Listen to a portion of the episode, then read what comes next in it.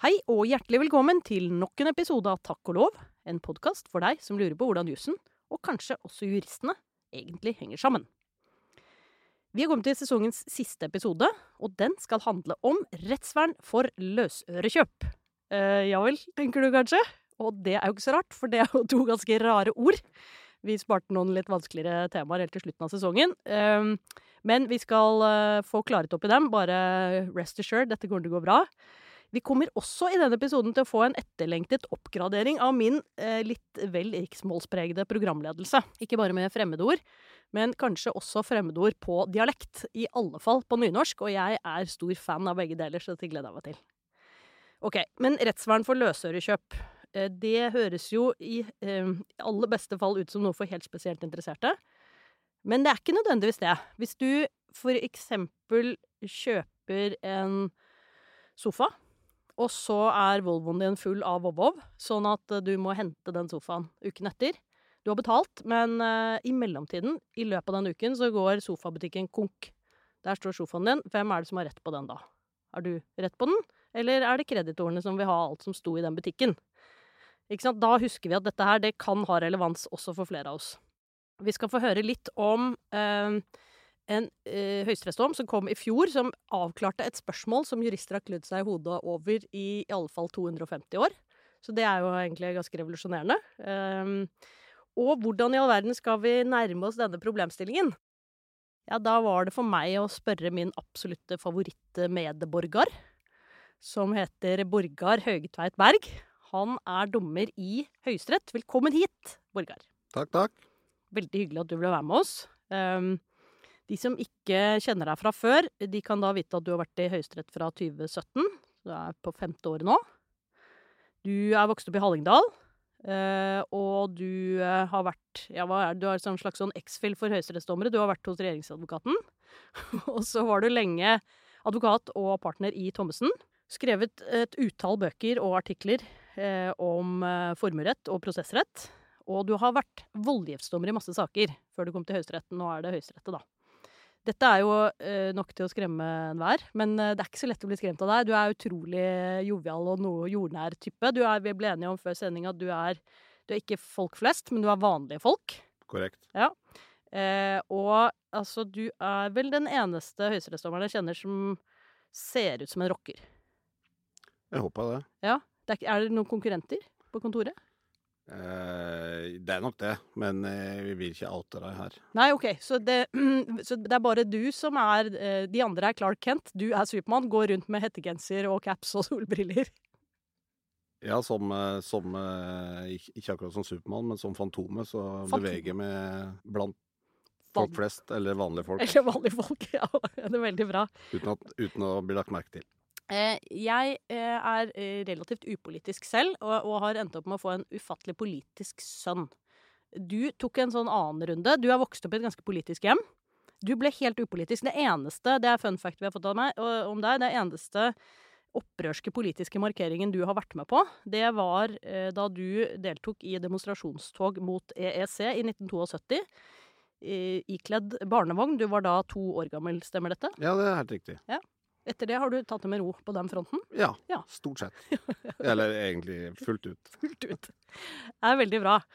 Um, vi skal nærme oss dagens tema, som altså er rettsvern for løsøre. Rettsvern husker jeg sånn vagt, men bare enda base, mer basic. Løsøre, ikke klovnepandangen til Løsneset. Hva er løsøre?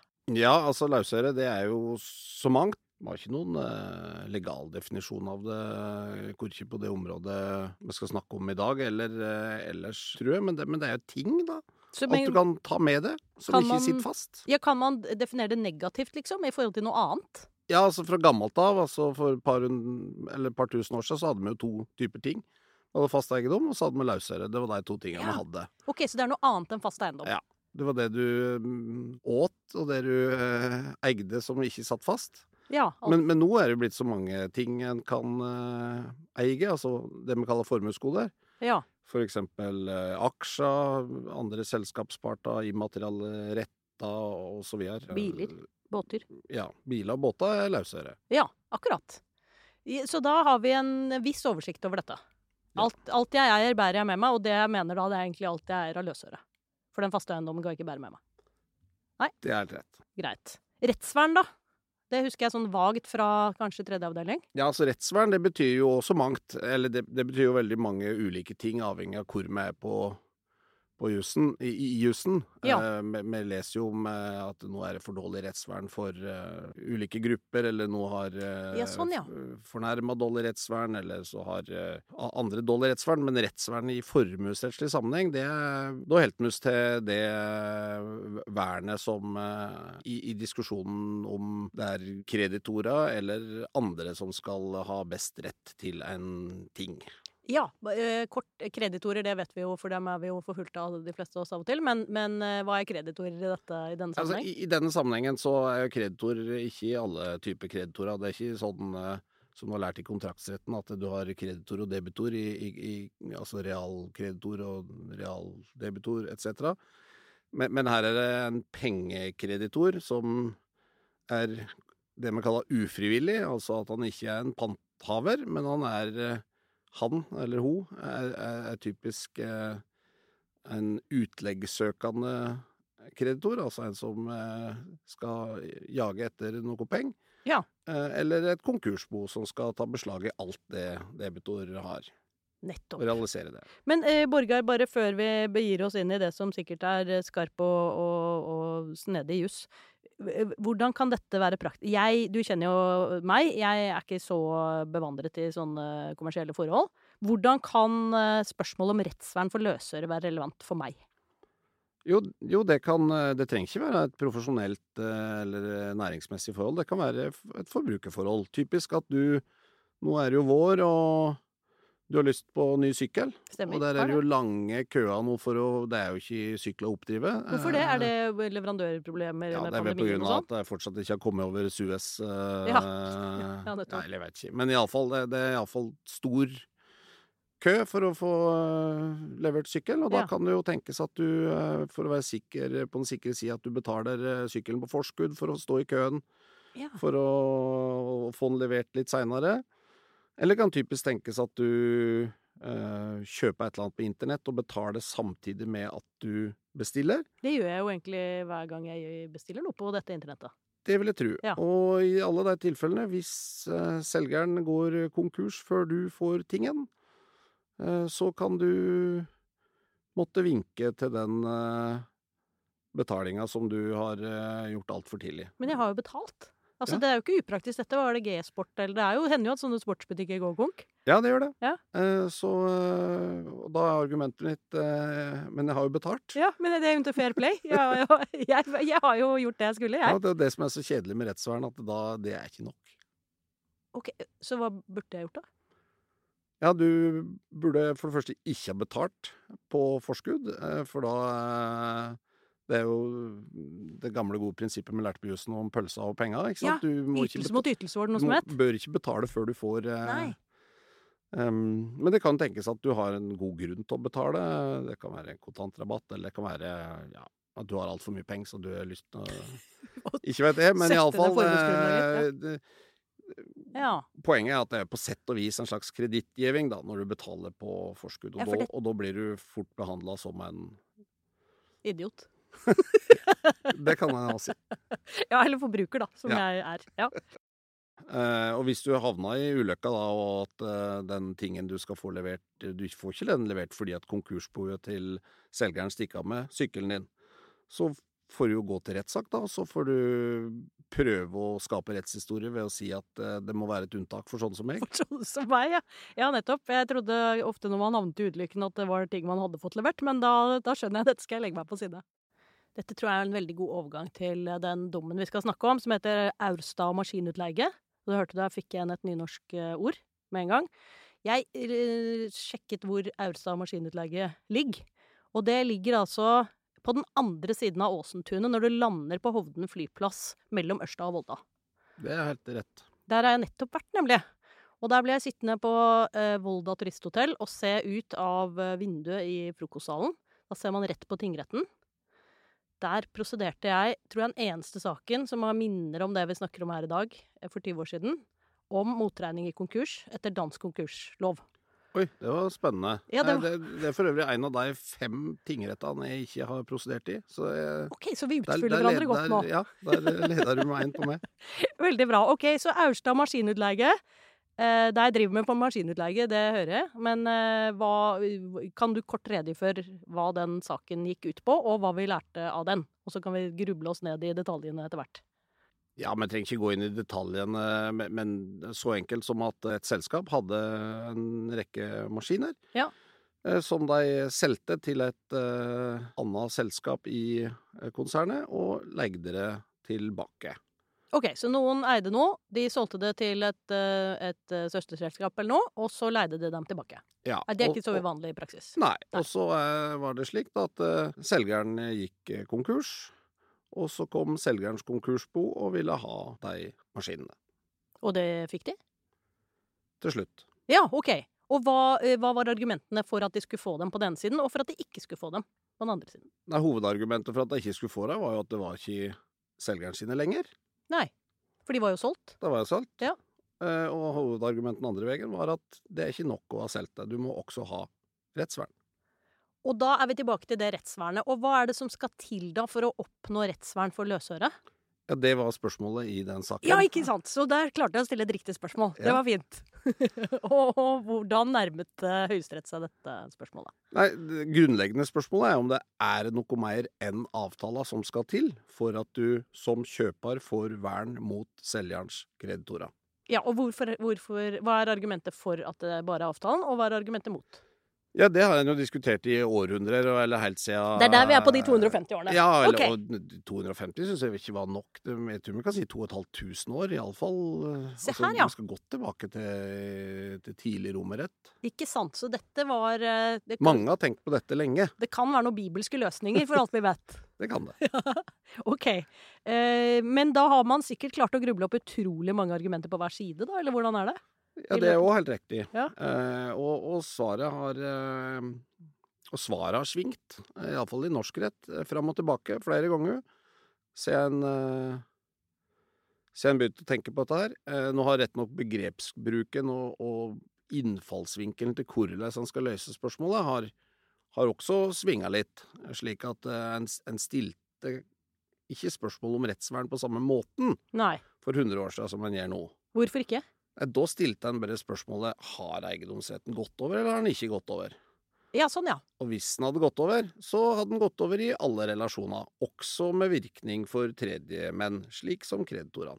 Og da kunne man tenke seg at det var knyttet til betalingen. Noen hadde gitt det en ytelse, og så skulle de jo ha en ytelse igjen, og da måtte de jo få den ytelsen igjen. Ja, eller som jeg brukte å si da jeg underviste på universitetet, eh, når, når går eiendomsretten over? Går den over på avtaletidspunktet? Går den over på betalingstidspunktet? Går den over på overleveringstidspunktet? Går den over hvis det er fast eiendom, når du tinglyser, eller går det over Ja. Eller går det over når du vil at det skal gå over? Og det er lettere når det er fast eiendom, fordi du da har disse tinglysnings- og andre sånne eksterne mekanismer, enn med løsøre, eller? Kanskje, men, men ikke nødvendigvis. Eh, der, der har vi jo Altså, i og med at du nevner fast eiendom, Mm.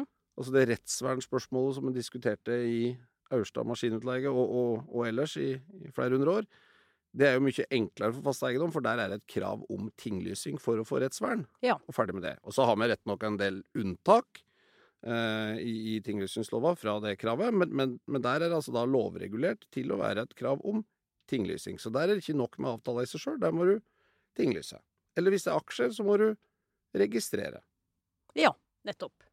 Eh, det er det jeg mener. Der er det på en måte noen reguleringer som gjør at eh, spørsmålet ikke oppstår, så man må krangle seg helt gjennom 2500 år og så ende opp i Høyesterett og få det avklart. Helt rett. Ja. Der har lovgiver kommet på banen og funnet ut at det kanskje er en god idé å ha regler om dette. Ja. Lovregler om dette. Ja.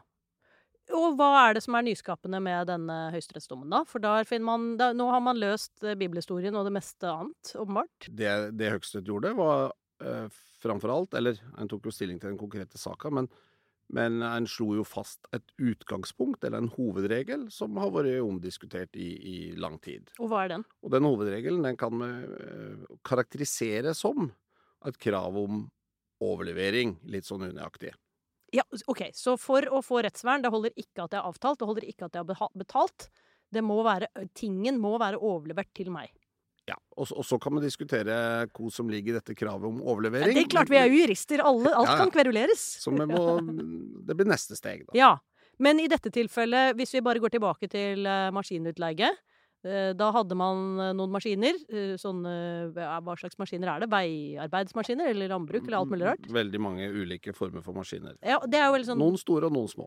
fysisk konkrete ting som står et sted Og bli brukt en sted. Ja. og bli brukt et sted, ja. Og i dette tilfellet her, hvordan var det? Da var de i det eh, selskapet som hadde solgt dem, men ikke levert dem ennå?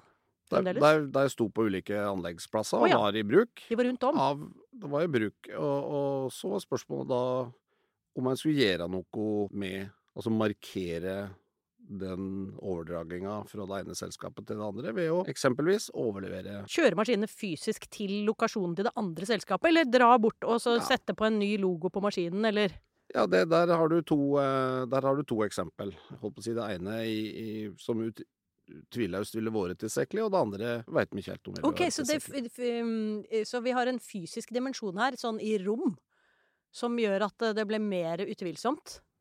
Ja, altså, eh, en kan si det slik at overleveringskravet i utgangspunktet, hvis det blir fysisk overlevert fra A til B, det vil være, det vil være, det er alle enige om at det vil være nok. Ok.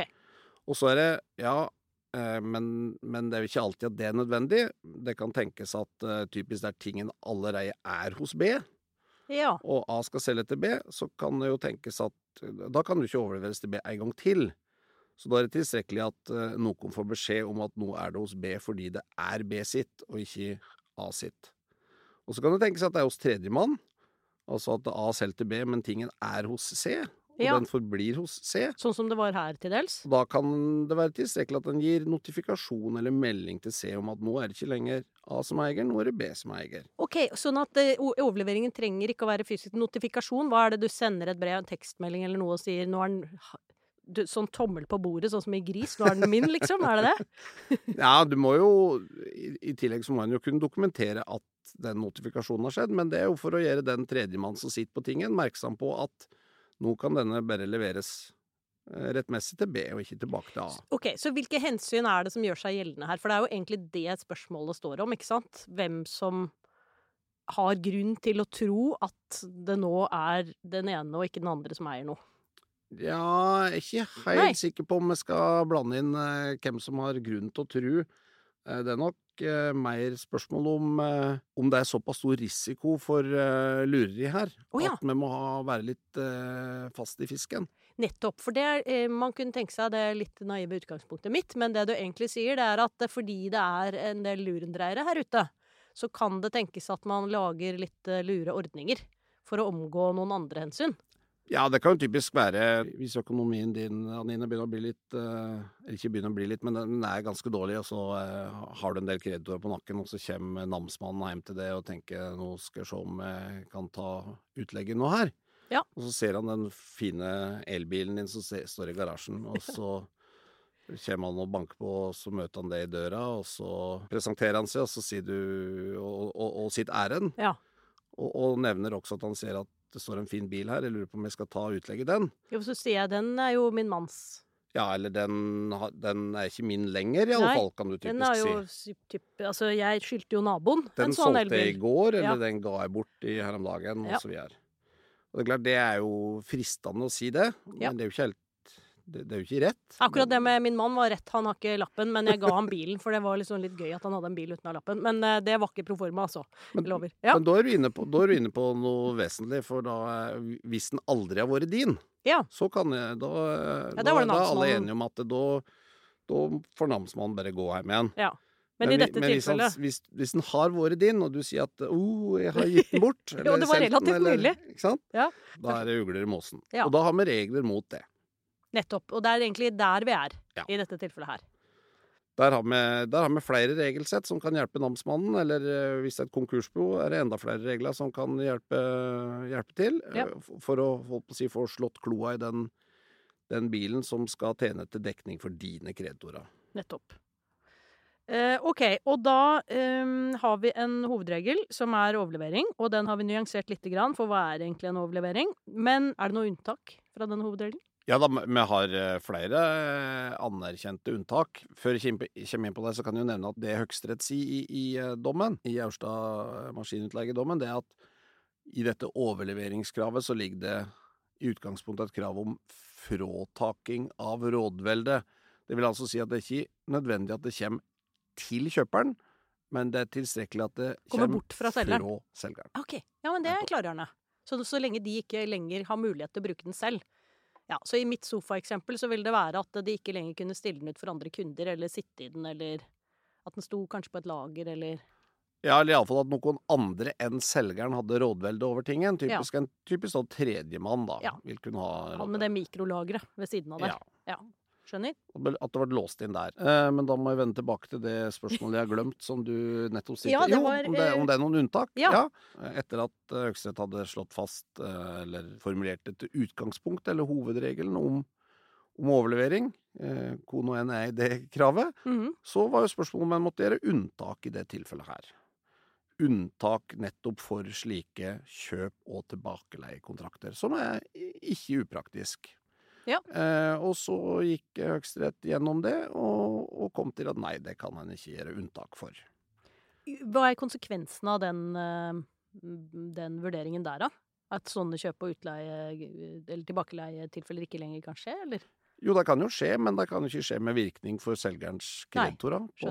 Sånn at det er ikke noe det er ikke forbud mot dette, men, Bare gjør det med god likviditet? men ja, nettopp. Ok. Eh, Det, du sa det har vært eh, opplest og vedtatt egentlig hele tiden, at det, det unntaket fins. Så det som egentlig er fastslått, er at hovedregelen er hovedregel, eller? Eh, Ja, altså det unntaket som ble drøfta her, det har for så vidt ikke vært Det har det vært litt skriveri om i teorien og, og så videre, men det har ikke vært et anerkjent unntak Nei. eh, før eh, Og, og ble heller ikke da anerkjent av Høyesterett. Men det finnes et par andre anerkjente unntak som, Ja. som Høyesterett, både flertall og mindretallet i, i, i den dommen, eh, nevner sånn eh, en passant for å vise at ja, som, som ledd i grunngjevinga for hvorfor eh, det blir som det blir, så har jeg nevnt et par andre unntak som, som du helt sikkert husker fra studiet. Eh, kan du bare gjenta dem for våre lytteres skyld? Jeg husker selvfølgelig alt. ja. Nei, men vi har eh, et unntak som det er normalt å kalle interesselæra, Ja. som Sjur Brekkhus formulerte i, først for 50-60 år siden. Hvis det er i eh, kjøperens interesse at den er, blir igjen hos selgeren Ja. en stund. Inntil. Kanskje legge til ordet utelukkende, vil, vil, Utelukkende, ja. vil noen mene. Okay. Eh, Men, men Høyesterett formulerer ikke dette unntaket i detalj. Det er bare å nevne at her finnes det i utgangspunktet et, eh, et Ja. unntak i den retningen du antyda. Mhm. Og så er det et annet unntak, og det er ved større tilverkingskontrakter der det er helt nødvendig for finansieringen av sjølve tingen, altså den tilvirka store spesiallagde tingen, Mhm. at kjøperen betaler undervegs. Ja, sånn, ja.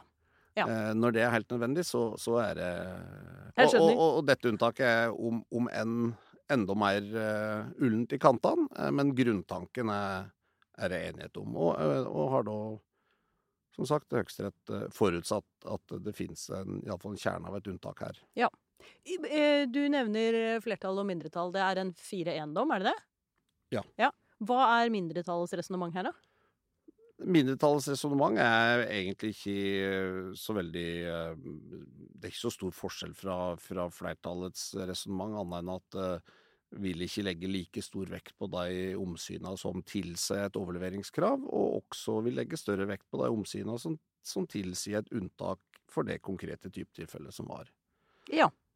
Så ikke så, ikke så skeptisk til skurkeriene og risikoen. Jeg kan vel si at det er, en, sånn det er en gradsdissens, men, Ja. men, eh, men jeg kan ikke eh, det, det er vanskelig for meg å Nei, det å, å kommentere noe selv mer. Jeg var jo med i flertallet, så, så eh, en, får, en får lese dommen. En får lese dommen, ja, det skjønner jeg. Men er det nå, med denne avklaringen som, Altså alle avklaringer tenker jeg jo i utgangspunktet er positivt, det er jo akkurat det Høyesterett skal drive med. Men hvordan blir rettstilstanden etter dette, da? Er det, er det noe som liksom er løst, noe som er enklere?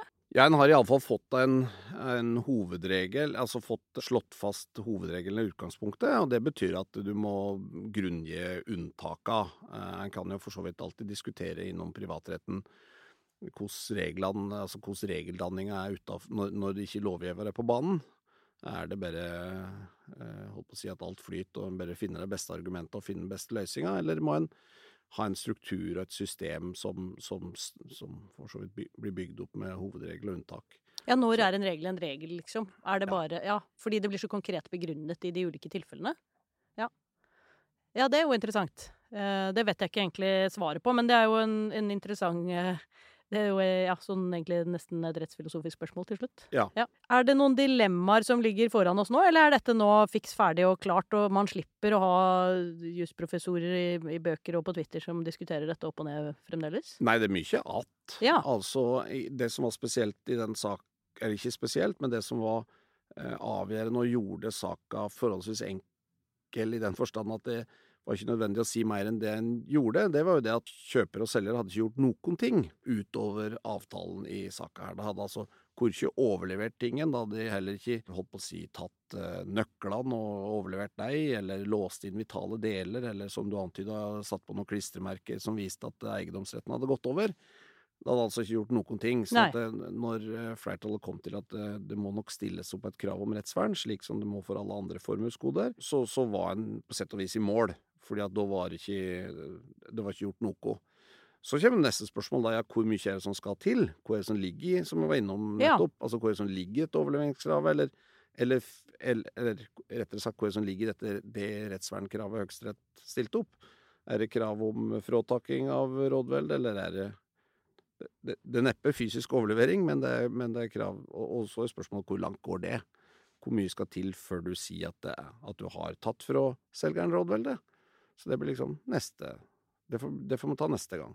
Men, men holdt jeg på å si, er det Hvorfor oppstår disse problemene egentlig i sånn i praksis? Jeg bare prøver å få hodet mitt rundt det. Hvis, hvis det er uklart Men det er, altså det er helt klart at hvis du har overtatt eiendomsretten, altså hvis du fysisk har overtatt tingen, så har du rettsvern. Hvis du har fått den i hende Ja. på, Hvorfor gjør ikke alle bare det, da? Det er ikke alltid det. var sånn ditt, eh, ditt døme innledningsvis. Altså Ja. at du hadde ikke plass i bilen, eh, eller at det dukka opp et eller annet, og så tenkte du ja, OK, jeg betaler likevel. Det kan jo tenkes at du får en eller annen sånn kontantrabatt, eller ja Det kan være mange, det kan være mange grunner til at du betaler før Ja. du får tingen. Altså typisk, og dette kan nok muligvis få en revival nå med, med dette store internettet. Ja, hvordan påvirker det store internettet disse spørsmålene? Ja, Du har kanskje kjøpt noe på internett og betalt samtidig med at du bestilte, men før du fikk det overlevert. Ja. De skoene, ja. De kom, de kom ikke. De kom ikke. Fordi de gikk konk i mellomtiden. Nå er vel kanskje ikke konkursrisikoen det du tenker på når du bestiller sånn. Du er vel kanskje mer redd for at dette selskapet ikke fins, eller at dette Ja. bare dette bare lureri. For da, det, men det blir i grunn samme problemstilling. Egentlig samme eh, Bortsett fra at eh, Du får ikke skoa. Nei, for tingen fins ikke. Nei, for det er en annen problemstilling. problemstilling. Så, at, så at det kan nok tenkes at det vil komme på spissen hvis selgeren går konk og har tatt inn masse bestillinger, ikke sant, og det er betalt, og så kommer det ingenting fordi at det går over ende. Da, da kommer jo dette Da kan det komme på spissen. Ikke sant? Dette er jo, eh, det var det jeg visste når jeg begynte å se på dette her igjen. For jeg fikk litt sånn skrekken, for jeg husket eh, ikke så mye av, av denne jussen. Og så tenkte jeg er dette i det hele tatt praktisk? Og så viser det seg at det er jo veldig praktisk. Ja, det, det er kanskje ei praktisk side av det, men ellers så i, i uh, profesjonelle forhold så er, det ikke, så er det nok ikke så veldig praktisk. fordi at det meste, eh, hvis det begynner å skrante litt hos eh, selgeren, så er jo det meste pantsett. Men i dette tilfellet så var det jo profesjonell. Ja, og det var ikke pantsett. Så, så, Så det kan skje. det kan skje. Kan, må jo skyte inn at den, den saken her kommer jo opp som Altså spørsmålet i, i Aurstad maskinutleie kommer jo opp som et prejudisielt spørsmål, fordi det var spørsmål om ansvar for advokaten som hadde gitt råd. Ja, og prejudisielt, da er det egentlig Vi har en stor sak som vi må gruble på juridisk, men før vi begynner å gruble på det store spørsmålet, så må vi avgjøre et annet spørsmål først. Ja, Altså for eh, spørsmålet var om advokaten hadde gitt tilstrekkelig råd. Ja. Eh, og, og hvis det var helt uproblematisk dette med rettsvern, så var jo ikke det noe problem, for å si det slik. Men, men det var det jo. Så, så, Det må man kunne si med 2500 års diskusjon i forkant. Ble det ansvar for advokaten? Ansvarsgrunnlag. Eh, men, det la også mindretallet til grunn. Eh, nettopp fordi at dette var uklart, og da måtte en ha sjekka ut spørsmålet om rettsvern. Det er veldig bra. Det er jo Hei, alle rettshistorievenner der ute. Dere er eh, ikke irrelevante. Og jeg beklager at det bare er fordi jurister ser instrumentelt på rettshistorien, men iallfall av den grunn så kommer de til å måtte orientere seg om den likevel. Veldig bra. Vi eh, pleier å runde av episodene våre med å invitere gjesten vår til å snakke om å dele en eller annen hendelse, historie, opplevelse. Er, sånn som jeg kjenner til deg, så vil jeg tro det bare er et vell av morsomme historier du har. Men jeg vet ikke om det er noen du vil dele? Er det noe vi burde ha hørt? På vei ned hit så kom vi på en, eh, en av de første opplevelsene jeg tror jeg hadde som, eh, som advokat. Og da eh, Jeg husker ikke hva slags type sak det var, men jeg husker at det lå litt på hæla med forberedelsene. og så Eh, men jeg var veldig glad da, da jeg kom over eh, en sånn gul lapp ja. som var kopiert inn i det faktiske utdraget. Av tydeligvis en eller annen lapp som motparten hadde glemt, hadde glemt at lå på det arket. Eh, og det var veldig artig å kunne dokumentere, altså under innledningsforedraget mitt, kunne dokumentere den sida i det utdraget der den, den gule lappen pent og pyntelig hva det kom med på kopien. Ja, og hva fremgikk på den? Nei, det sto Det var nok tydeligvis skrevet fra en fullmektig til den, ja. til, til den prinsipalen. Ja, sånn ja. Her vil jeg anta at motparten har ment, og så kunne du bare lese hva motparten hadde ment. Ja, det sto 'denne saken suger', men vi tar den vel likevel. fantastisk. Ah, har du hørt? Det var veldig bra. Tusen takk skal du ha, Borgar. Dette var eh, veldig bra oppfriskning for meg, og utrolig interessant. Og forhåpentligvis eh, til lærdom også for eh, deg som leier ut andre ting enn maskin. Uh, og kan komme opp i samme type problemstilling. Ja, det jeg håper jo at de, er, at de hører på denne podkasten. ja, det gjør de jo nå. Nå har jo du vært med, og det er, det er jo bra nynorskinnslag og i det hele tatt. Her, veldig bra. Tusen takk skal du ha. Da gjenstår det bare for meg å takke ja, nok en gang, tror jeg egentlig deg, men også til dere lyttere for at dere har hengt med oss eh, gjennom nok en eh, episode, og faktisk nok en sesong av eh, Takk og lov. Fort vekk så blir det flere, ja, kanskje sesonger, iallfall en eller annen bonusepisode. Vi får se. Det må det bli. Håper det. Takk skal du ha. Da er det tid for litt reklame. Hvis du har lyst til å lære enda mer om dagens fascinerende tema, så kan du komme på det årlige konkursrettskurset. Som, altså, dette er min kjepphest. Hvorfor ikke det heter konkurset, det skjønner jeg ikke. Det, uh, hallo, juss, kan dere gjøre noe med dette? Men det finner altså sted i Kristiansand 2.-3. juni. Og der holder Borgar foredrag om nettopp rettsvern for løsøre. Du finner også flere foredrag om dette temaet ved å søke på Borgar Høgtveit Berg på juss.no. I tillegg så kan du lese boken til Borgar. Eh, den siste boken hans heter 'Beslagsretten til kreditorene i konkurranse med rettene til tredjemann'. Den kan du lese digitalt hvor du vil, når du vil, på juridika.no.